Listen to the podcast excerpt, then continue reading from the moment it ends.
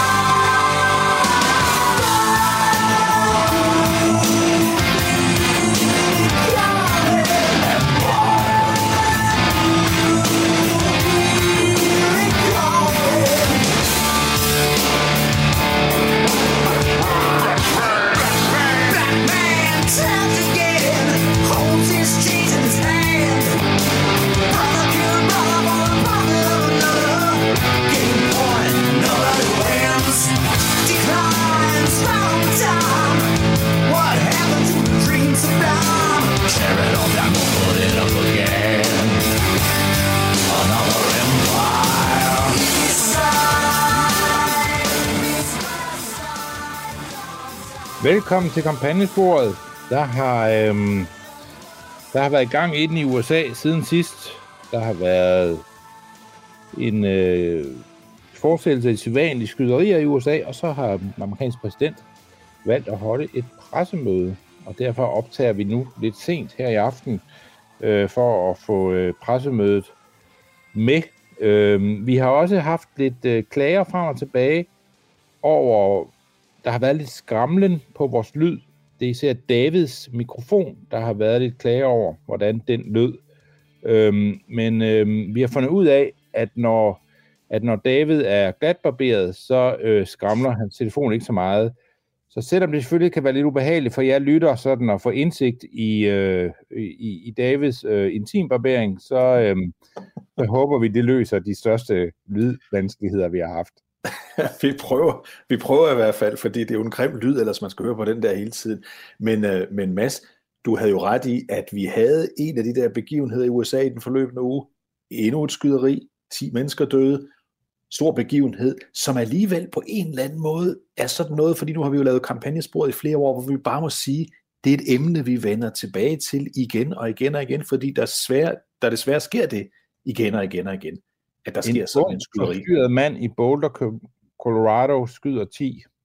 Øh, og øh, den sædvanlige snak om øh, vold og våben og sammenhæng derimellem begynder i USA, og, øh, og vi har bare været der så ufattelig mange gange før.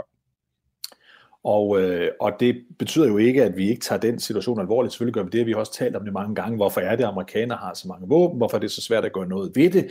Øh, De emner, som vi har været forbi, så det er ikke fordi, vi sådan siger, at det her det er en irrelevant historie. Vi noterer den, og så konstaterer vi desværre, at det er noget, der, der, der kommer øh, med alt for øh, jævne mellemrum i, i USA. Ja, det er en slags normaltilstand, men det lærte jeg i sin tid ret hurtigt, øh, at der er øh, en, en, en helt, altså det, det, der er så mange af de her skyderier, og jeg, da jeg begyndte at være den, de ringede til i sin tid, når der skete noget i USA, i danske medier, øh, så fandt jeg ud af, at rigtig mange af de opkald handlede om, når der, har været, når der var sådan et nyt skyderi i USA, øh, og altid efterfulgt af samme spørgsmål, vil de nu denne her gang lave deres våbenlov om? Hvilket ja. selvfølgelig afslører, at øh, man ikke kender USA så godt, når man stiller det spørgsmål, øh, og øh, fordi der ikke er øh, sådan en våbenlov i USA. USA er en union, øh, og, øh, øh, og så også den her tro på, at, øh, at, øh, at der var et eller andet øh, punkt, man kunne nå til, så ville øh, den her debat omkring øh, amerikanernes øh, forhold til skydevåben, øh, at, at hvis, når man er over det punkt, så ville noget være irreversibelt, og nu vil man så gå i gang med en debat om at, at, at gøre op med sin egen våbenkultur. Det er jeg, så, jeg, så i, øh, jeg så i The Onion, det er det pragtfulde øh, tidsskrift, som man også kan finde på, øh, på nettet, theonion.com, der var der sådan en, en overskrift, husk på, det er et fake site det her, hvor, hvor der står, øh, hvor der står, der er ikke noget at gøre ved det, altså som kommentar til sådan en, en, den nye skydehændelse her, lyder det fra landet, hvor det foregår i hele, hvor lyder det fra det eneste land i verden, hvor det foregår hele tiden. Ja. ja og det er der noget om. Ja, det er der noget om. Øh, altså, The Onion er en fantastisk site, fordi de laver øh, noget af den mest vidunderlige øh, sådan fake news. Øh, rigtig fake news. Ikke skal... sådan politikken, vinkling af alting. David Træsklummer, fake news. Men sådan, altså direkte fabrikerede nyheder ja. for at, øh, at tage gas. Og nogle gange, når de er allerbedst, så, øh, så, så bruger de det der satireslør til at, at sige noget ret vigtigt, og det er den der historie et godt eksempel på. Jeg så en her den anden del, hvor der stod, at CIA, CIA nu indrømmede, at de 1985 var med i det kup, der smed David Lee Roth ud af Van Halen. Jeg, vidste, jeg forstod, ej, jeg har jo aldrig forstået, hvorfor skulle David Lee Roth ud af det band? Det gav ikke mening. På Nej, nogen nu ved du det. Nu ved jeg så, CIA stod bag. jeg øh, faldt over en anden historie forleden, og det kan være, at vi kommer tilbage til, når vi skal snakke om Bidens øh, pressekonference. Øh, men han var blevet kritiseret for, at der var nye problemer nede ved grænsen til, til Mexico i forhold til immigranter, der kommer presset sig på og vil ind i USA. Og så siger, så siger The Onion, så er der en artikel fra The Onion, hvor præsident Biden han skælder ud øh, til pressen, fordi han mener simpelthen, det er unfair, at han skal angribes, angribes på problemer, der i sin tid blev skabt af præsident James Polk, fordi det var ham, der oprettede grænsen, og det råd, der har været lige siden, det startede for 172 år siden. Det kan ikke være rimeligt. det kan ikke være rimeligt. Det at han skal, ikke. Han var han kun en lille dreng, Joe Biden. det var Hvorefter han også sluttede af med at sige, at, øh, at, øh, at, at de, de, de, de udfordringer, der var med, at han ikke kunne få hævet minimumslønnen for federalt ansatte i USA, det simpelthen var et direkte resultat af alle de fejl, der egentlig har været øh, i det repræsentative demokrati på grund af det, der blev besluttet 509 år før Kristus i øh, den, den, den romerske øh, lovgivende forsamling. Så, så der er altid noget, der er sket før. Det er der, det er der. Hvad er det, der sker i 509 før Kristus? Ifølge The Onion, og jeg er nødt til at tage det forbehold, ifølge The Onion, så er det der, man begynder at, at lægge retningslinjerne for, hvordan repræsentativ demokrati øh, det skulle fungere. Og der er altså angiveligt nogle grund, grundfejl i det, som stadigvæk er årsagen til, at øh, Joe Biden han ikke kan hæve øh, mindstelønnen, som han ellers gerne ville. Okay, men øhm, man, skal nok, man skal nok tage nogle, øh, nogle forbehold. Øh. Så hold vores ven, Joe Biden, og vi talte jo om det i sidste uge, at han øh, formentlig i denne uge ville holde øh, sit første pressemøde. Og her skal vi lige se for os, at et normalt altså, den presse... romerske republik begynder jo i 509. Altså. Ja, ved den lejlighed laver man, laver man det, de første... Man smider etruskerne ud af romeriet, ikke? Og øh, begynder at sin kurs mod det, der bliver ikke ud af romeriet, men ud af Rom, og så øh, øhm, og, og ud, til sidst ud af området omkring Rom, og så begynder man jo så at etablere det, der bliver til romeriet. Ja. Så småt. Det er nok det, Biden har tænkt på. Det er det, Biden har tænkt på, for der var nogle fejl skud i det der fra starten af, som han så stadigvæk øh, er belastet af. Havde de ikke lavet de fejl der i 509 før Kristi, ja. før Kristus, så havde han fået det igennem uden problemer. Ikke? Ja, men det er også, det er også, det havde, det, de etrusiske konger, de havde jo noget nemmere ved at få ting vedtaget. ja, og jeg tror gerne Biden øh, ville være øh, en sådan konge i dag, fordi der er jo nogle ting, han har fået igennem, men der er sandt også mange ting, der tegner til, at det kan blive lidt svært at få igennem. For eksempel, det vi lige talte om for et øjeblik siden, Mads, han siger jo præcis ligesom Barack Obama gjorde, ligesom Bill Clinton gjorde, ligesom han har sagt, hvem som helst der har været præsident i USA, har sagt, nu må vi gøre noget ved de her våbenlove, øhm, og virkeligheden er selvfølgelig, at øh, ja, de kan gøre nogle småtterier, men de kan ikke rigtig gøre noget. Så der kunne han jo nok godt ønske sig, at han havde et, øh, en, en lidt stærkere hånd som præsident, selvom det Jamen det, jeg synes er lidt interessant, det er jo, at Harris er ude at sige, skal vi ikke bare se praktisk på det? Selvfølgelig skal det ikke være sådan, at psykisk syge skal kunne købe våben. Øhm, og, og lige på overfladen kan man godt sige, jamen det lyder da også helt skørt, at de, at de kan det.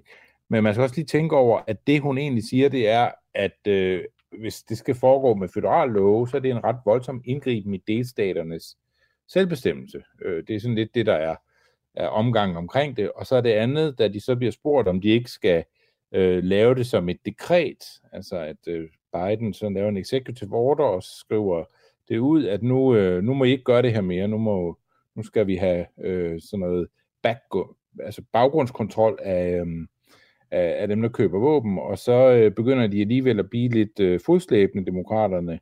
Ikke alle sammen, men nogle af dem, og siger, ja, men sådan nogle, sådan nogle executive orders, de kan jo bare laves om og så videre. Skal vi ikke hellere gå efter noget mere varet, altså underforstået, der skal federal lovgivning, og det er det samme som at sige, at så kommer der ikke til at ske noget. Det pressemøde, som Biden holdt her torsdag, det var ventet med, med, med stor interesse fra det halve af verden og det meste af Amerika. Han havde ventet længere end nogen præsident, man kan huske.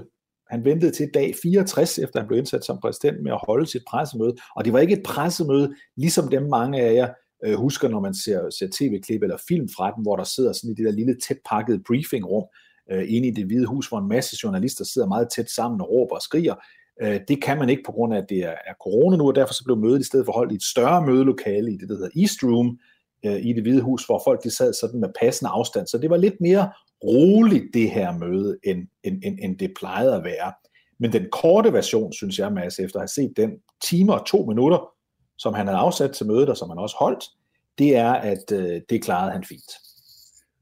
Ja, det synes jeg, han gjorde. Jeg tror ikke, at Biden synes, at, øhm, at han har øh, været lang tid om at få afholdt det her. Jeg tror, han tænkte, jeg skal bare lige op ad trappen i flyet her, så laver vi det, det pressemøde, og så går vi i gang med det. Men, men, men man kan jo snuble undervejs og så videre. Men så kom det, og jeg synes to ting om det pressemøde. Det ene er, at Biden er til, til, altså helt tydeligvis aldersvækket. Altså i den grad aldersvækket. Det går ufattelig langsomt. Men han er ikke dement eller noget andet. Han er kvik nok, øhm, men det går bare langsomt. Altså han er ikke der, hvor han, han var engang, men forestillingen om, at han ikke ved, hvad der foregår i lokalet, det fik han jo skudt fuldstændig ned. Det vidste han øh, bestemt, hvad der gjorde. Han svarede også rigtig godt på mange spørgsmål, men det var, det var godt nok en, en drøg omgang. Sådan, øh, det var ikke det der chubang chokolademand, som vi har oplevet både Obama og, og Trump være rigtig gode til.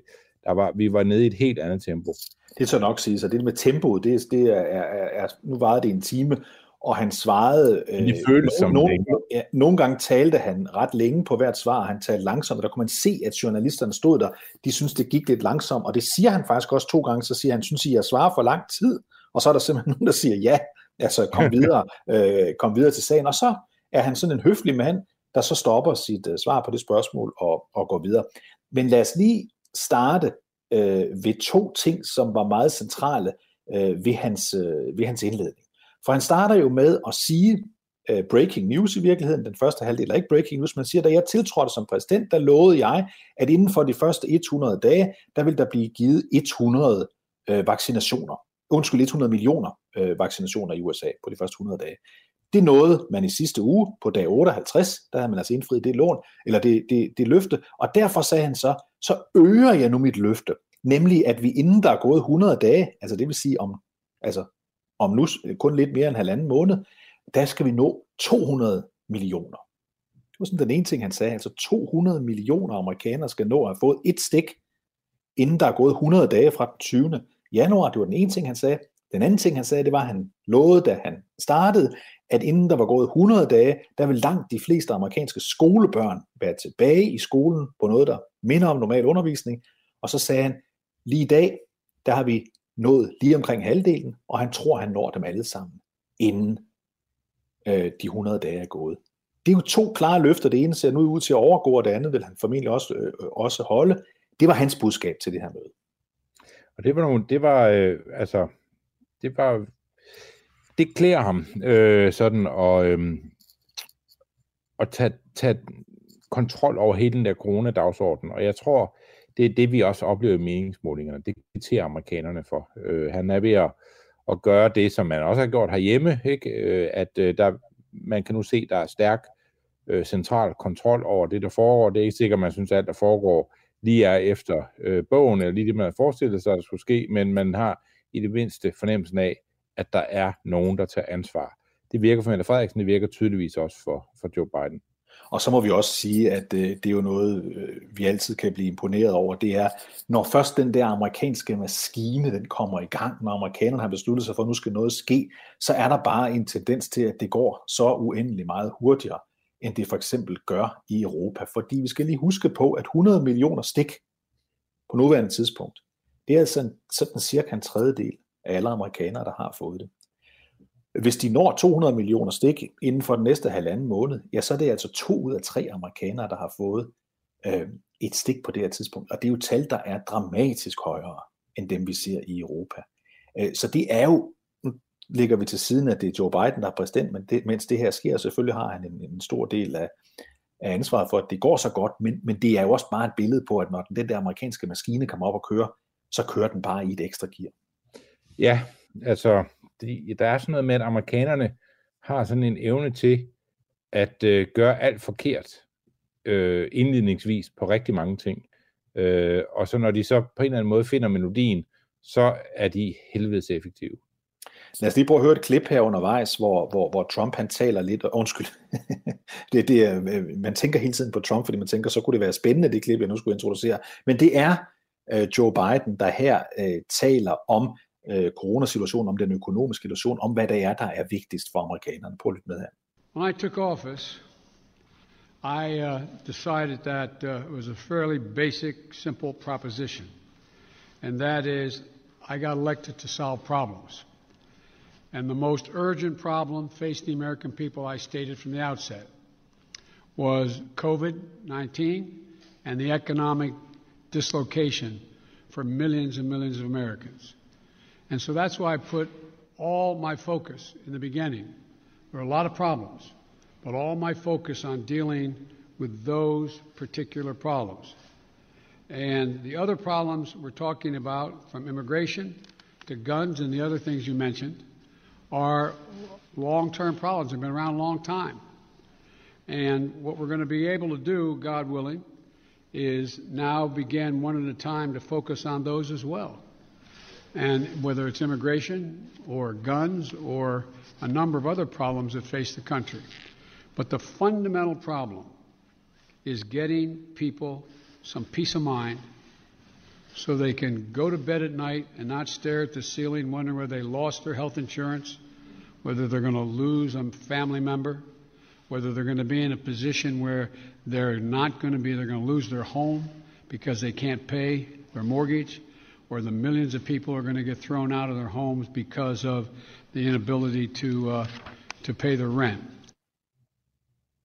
Ja, det han gør opmærksom på præsidenten her, det er jo, og det er starten af hans øh, tale, det er, at jeg fik en simpel opgave, da jeg blev valgt.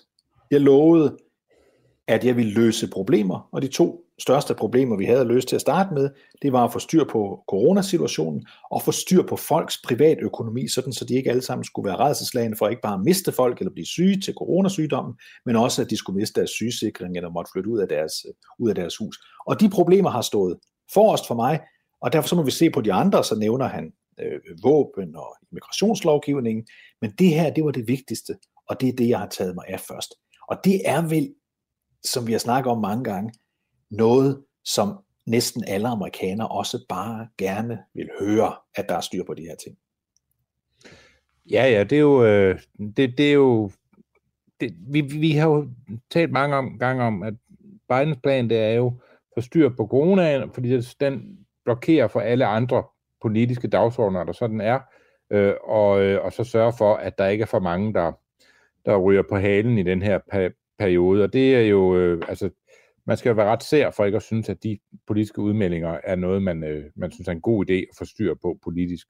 Så han er jo, øh, han, er, han har sat sig sådan nogle mål, som, øh, som jeg, jeg tror betyder, at han får en, en rigtig god start på sin tid som, som præsident. Så er der et andet tal, han nævner her i starten, som også er interessant, altså i sin indledende tale. Det er, at øh, de nyeste øh, estimater, den nyeste prognose for den amerikanske økonomi i 2021, det er en vækst på 6 procent. Og det er jo et tal, Mads, som vi vil drømme om også at høre i vores del af verden.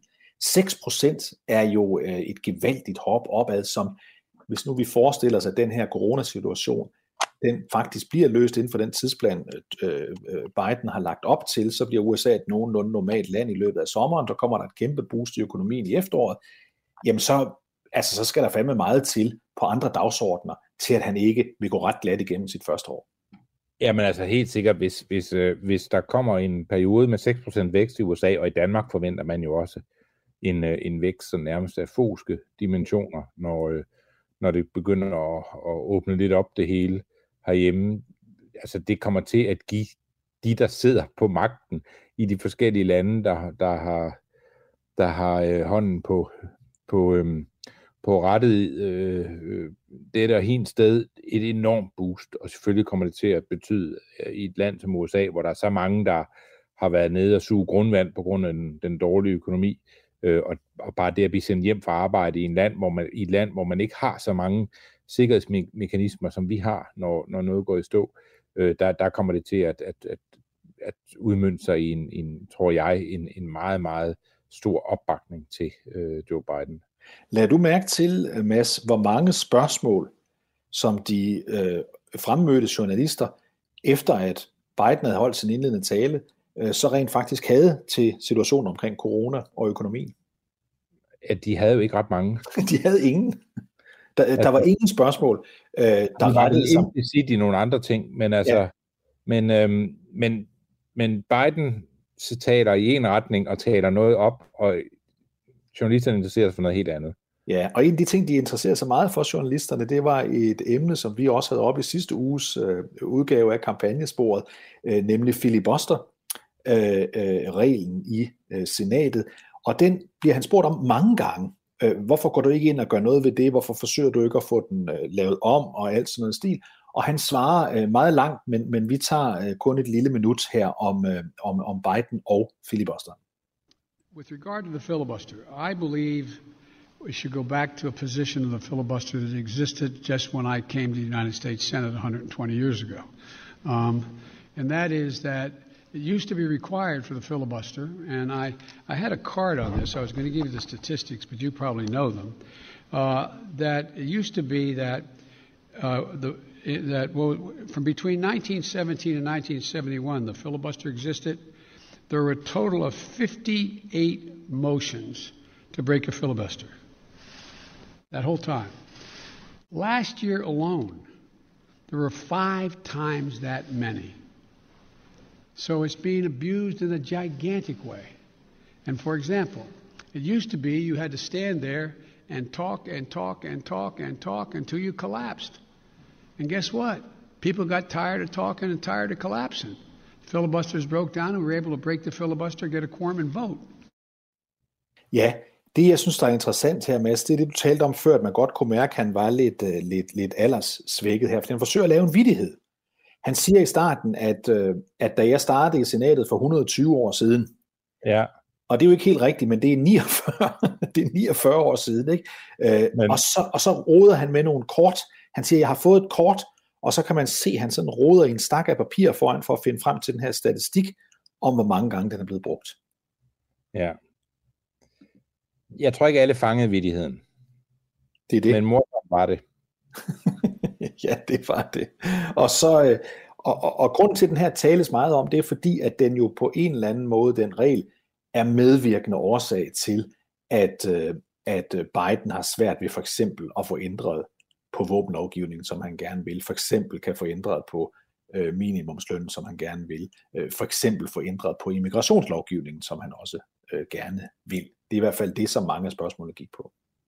Altså, jeg synes jo, at det var... Øhm, altså, altså, jeg- jeg forstår godt, hvad Biden forsøger at sige. Han forsøger at sige så lidt som muligt om det her. Øh, men der er jo noget galt med øh, den måde, øh, filibuster fungerer på. Men det er ikke noget, der ikke kan løses ved, at man øh, jo bare kunne sætte sig ned og sige, okay, nu har I sagt, at der er en filibuster på vej, så vil vi gerne høre jer tale i 24 timer. Og så bare lade det køre igennem. Så kan det godt være, at det tog noget af filibuster-energien ud af, øhm, af mindretallet øh, i øh, senatet, så man kun lavede filibusters, når det var på meget, meget vigtig lovgivning. Men der, hvor det er nu, der er, det, er vi bare derhen, hvor man jo skal have rigtig ofte et, øh, et flertal på 60 senatorer bag sig, øh, og så kun 40 imod sig, så man kan få lukket øh, forhandlingerne og komme videre. Altså lave det, der hedder en closure. Øh, og det er i hvert fald i strid med, øh, hvordan senatet var tænkt. Vi skal lige, øh, inden vi går videre til det emne, der handler om immigration, som var det emne, der fyldte mest på det her pressemøde, så måske lige øh, hæfter os ved en, øh, en, øh, en, en, en lille 15 sekunders øh, video, øh, som du sendte til os her inden vi startede. Der ser vi altså Joe Biden sidde inde i det hvide hus et sted ved et mødebord, iklædt en maske foran sig, og på den anden side, der sidder hans stabschef øh, Ron Klain. Øh, og der har lige været presse til stede, og nu går Biden i gang, og vi hører først Biden, og dernæst hører vi Ron Klain. Prøv at høre det her. Um, now we're going to get down to business here, and uh, and uh, Ron, who am I turning this over to? Well, I- well, uh, thank you very much, Mr. President. I think it's uh, time for the press, our friends in the press to leave, though. Thank you. Ja, Mads, hvorfor skulle vi høre det klip? Nå, men altså, det, altså, bare for at sige, at når man er i Bidens, øh, øh, når man er så gammel som Biden er, så vil man have gode og dårlige dage. Øh, og de dårlige dage øh, vil være præget af, at så er der sådan nogle klip her, der kommer ud. Der var også det klip for nylig, hvor han øh, virkelig er svært ved at komme op i et fly, øh, fordi han blev ved med at falde. Øh, og her, der, der, der er, han, er han fuldstændig forvirret, og ved ikke, hvad der foregår. øh, og, og, og, øhm, og, og, og, og kigger over på sin stabschef og siger, hvad, hvad, hvad, hvad, hvad, hvad, hvad, hvad gør vi nu lige nu?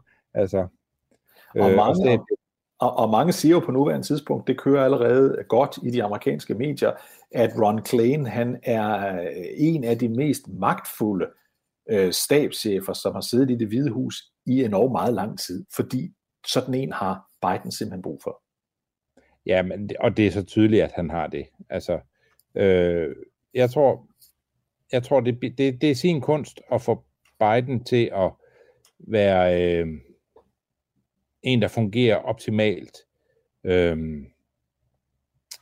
øh, på sin post. Især fordi han, han har tydeligvis tidspunkter, hvor han er lidt forvirret, øh, Øh, og ikke ved lige, hvad der er op og ned, og øh, hvad gør vi nu her, og så videre. Øh, og så, og det, det betyder jo, at når du bliver den person, der ligesom styrer præsidentens kalender og øh, fortæller ham, nu skal vi gøre det her og så videre, jamen så, øh, ja, så, så får du den, den indflydelse. Og det vil være især stabschefen, men også andre øh, tæt på præsidenten, der vil nyde godt af det. Jeg tror bestemt også på et tidspunkt, at man vil høre, at øh, Kamala Harris øh, vil blive beskyldt for at spille en for stor rolle på den her dagsorden. Øh, at, at de her op- åbenlyse grunde, at Biden nogle gange har dage, hvor han ikke lige ved, hvad der sker. Men han har også gode dage, som det pressemøde, vi netop kommer fra. Altså, Ja. det, er jo, Og, det, og, det skal man bare huske. Ikke mindst fordi, at her skal man også huske på, at, at forventningerne var lavt sat. Der var måske mange, der havde høje forventninger til, at han faldt sammen, og det lykkedes så heller ikke. Det var et, øh, et, et, et fint og ordentligt øh, pressemøde, han holdt her. Hovedparten af spørgsmålene, de handlede om den aktuelle situation, øh, som øh, gentager, sig, gentager sig med størst styrke hvert år ved den her tid faktisk, øh, men med stigende styrke næsten år for år. Øh, antallet af alle mulige fra børn til øh, voksne, unge, lidt ældre, øh, folk, der kommer fra det halve af, af Mellemamerika, Centralamerika, og går for eksempel fra Guatemala eller Honduras, op igennem Mexico ind til de når øh, den amerikanske grænse, så krydser de over på den anden side. Vi husker, hvordan det fyldte meget under Trump-tiden, hvor meget kritik der var, at han spærrede børn inde i noget, der lignede buer, og hvad ved jeg, ikke behandlede dem ordentligt.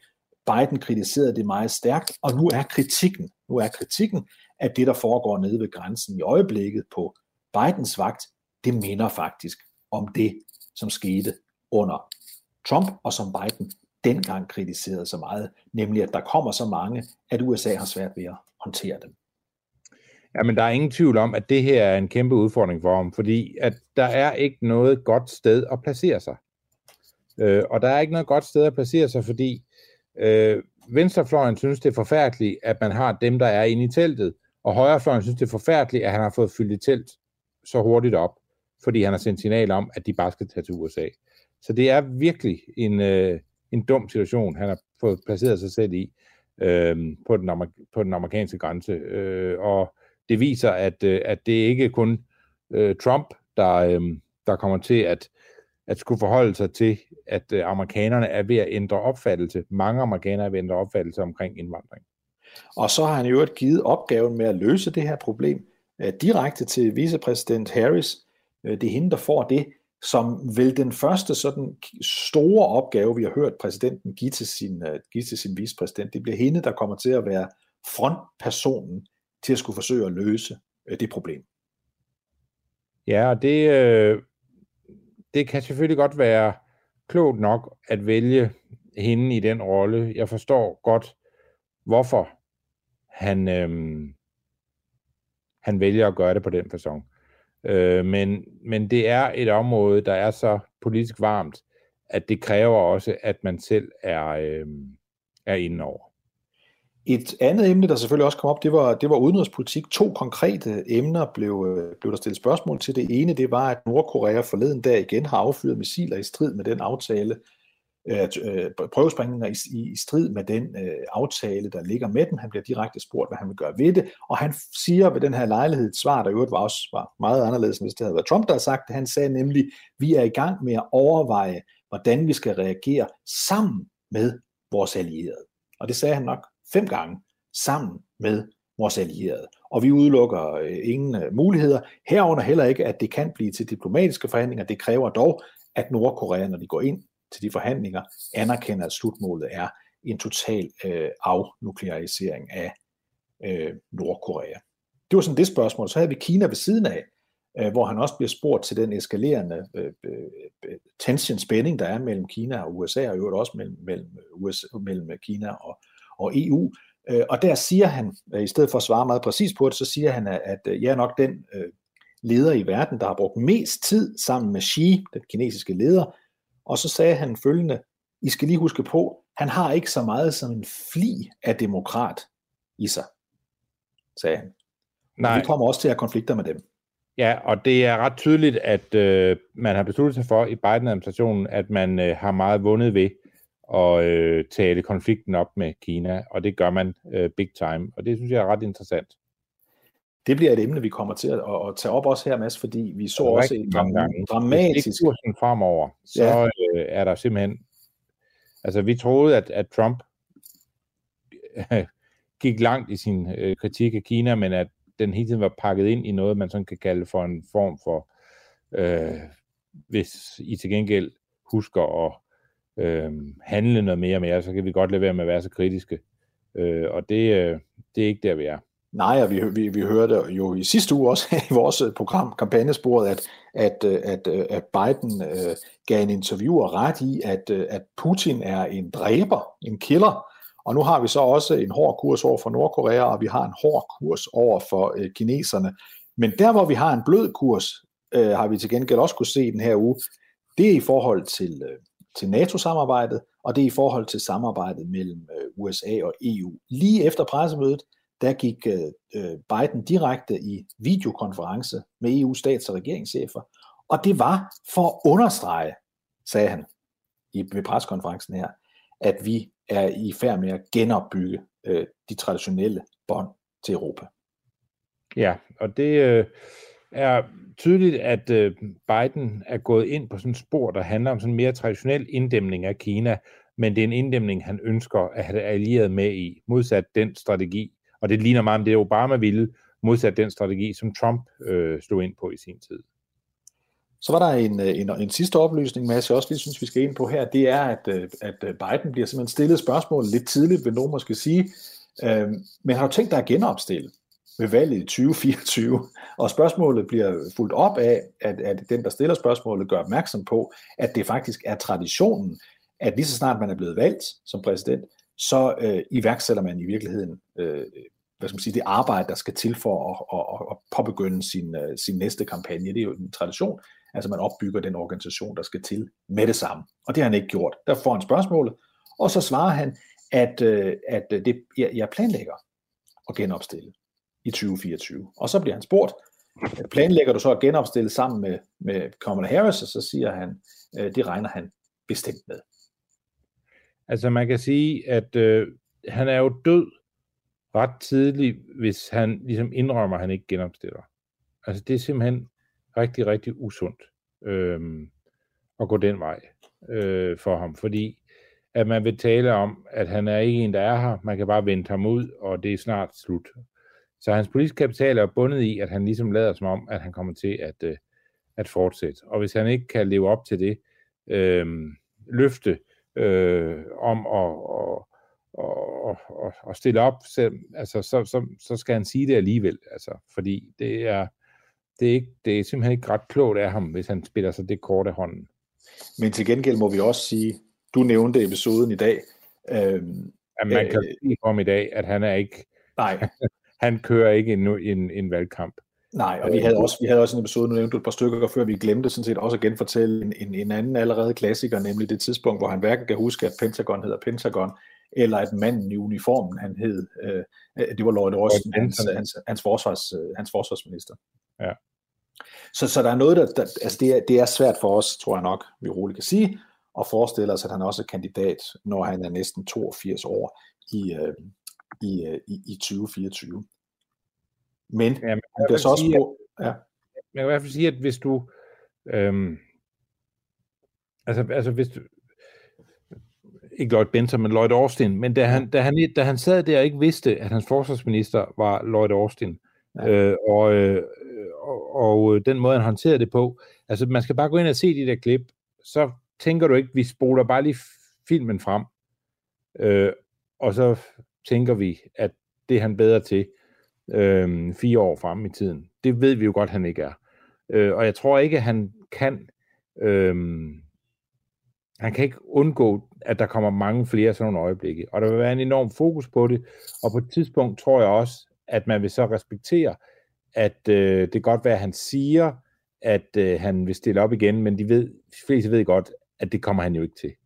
Øh, og, så, øh, og så lader vi bare som ingenting, og så bliver der sådan et indløb til næste valgkamp, hvor der vil være på et eller andet tidspunkt øh, en del demokrater, der sådan stiller sig i position til, at det kunne så være dem. Øh, jeg kan så også i den forbindelse svare, at en af dem bliver nok ikke øh, Andrew Cuomo. Nej, ham har, vi, ham har vi været inde for. Og Andrew Cuomo, bare lige for at tage ham, øh, ja, så er han under anklage fra øh, efterhånden adskillige kvinder, der mener, han har krænket dem, øh, imens han har været øh, guvernør. Han er også øh, i stigende grad anklage for at enten at have været korrupt, eller at have øh, fiflet med øh, statistikker om, øh, om coronas øh, øh tilfældene på øh, plejehjem især i New York-delstaten, så han i knibe. Det er brormand også, som vi har talt om flere gange. Chris Cuomo, verden på CNN, som for nylig måtte meddele, at han ikke kunne dække sin brors sag længere, efter han havde dækket hans bror, mens han var på vej opad, så kan han ikke dække ham, mens han er på vej nedad. Det forstår jeg godt nu, fordi nu er det også kommet frem forleden dag, Mads, at Chris Cuomo har kommet i foran i køen til at få god behandling og test for corona. Ja, det ser i det hele taget ud til, at den der Cuomo-familie, øh, der er nogle grunde til, at det aldrig bliver dem. ja, og jeg synes, det er så sjovt at tænke på, hvor mange gange vi i efteråret, dengang hvor Biden skulle vælge sin vicepræsident, øh, havde Øh, Andrew Cuomo ind, som egentlig selvfølgelig ikke kunne blive, fordi han var i gang, altså han havde sin post i, i New York, og fordi at Biden så tydeligt har sagt, at han ville have haft en kvinde, men han var sørme højt oppe i demokraternes eget establishments, altså sådan ønskeseddel om, hvem det kunne være. Ja, men det, altså, det er jo, det, det fortæller selvfølgelig, at det går hurtigt øh, i politik, og nogle gange så øh, går det også hurtigere, end, end øh, man lige selv kan lægge mærke til det. Jeg tror, Gomo er begyndt nu at fatte, at han skal være glad for bare at overleve, øh, at der er ikke nogen vej tilbage, hvor han kan blive til, øh, til sådan en, øh, en, øh, en ny øh, mulig aflyser for, øh, for, for Biden. Det findes ikke, øh, det scenarie, hvor det kan lade sig gøre i tidligere, men hans, øh, hans damage control i starten var tydeligvis en, der, der ligesom handlede om, at, øh, at det troede han måske godt selv, han kunne. Men det kan vi jo alle sammen se nu, at det løb er kørt. Lad os slutte af med en god nyhed, som er øh, Bidens to chefer hun, Major og Champ, efter de var sendt i, øh, på, på skammelejr, satte hende skammekrogen hjemme i Delaware i nogle dage, fordi en af hundene havde bidt en Secret Service agent, så er de nu tilbage. De er tilbage i det hvide hus. Og, og når hundene har det godt, så har alle det godt i politik. Som man siger i amerikansk politik, hvis du vil have en ven i politik, så få dig en hund.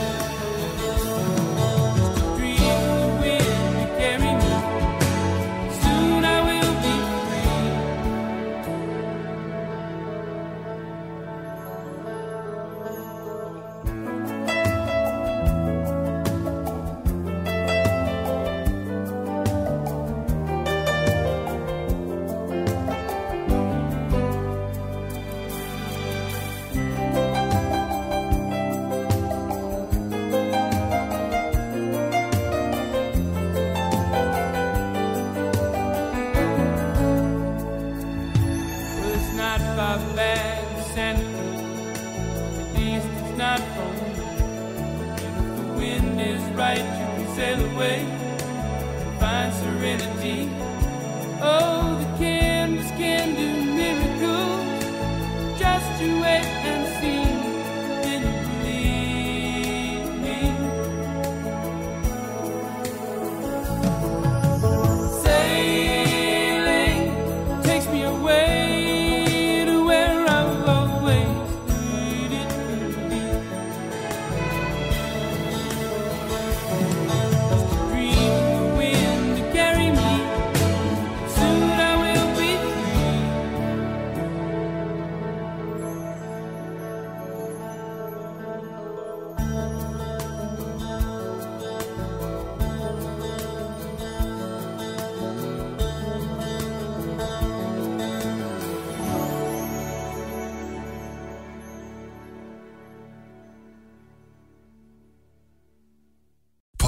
Podcasten er sponsoreret af Maxus, som netop er lanceret i Danmark med 100% elektriske biler med moderne teknologi og højt udstyrsniveau.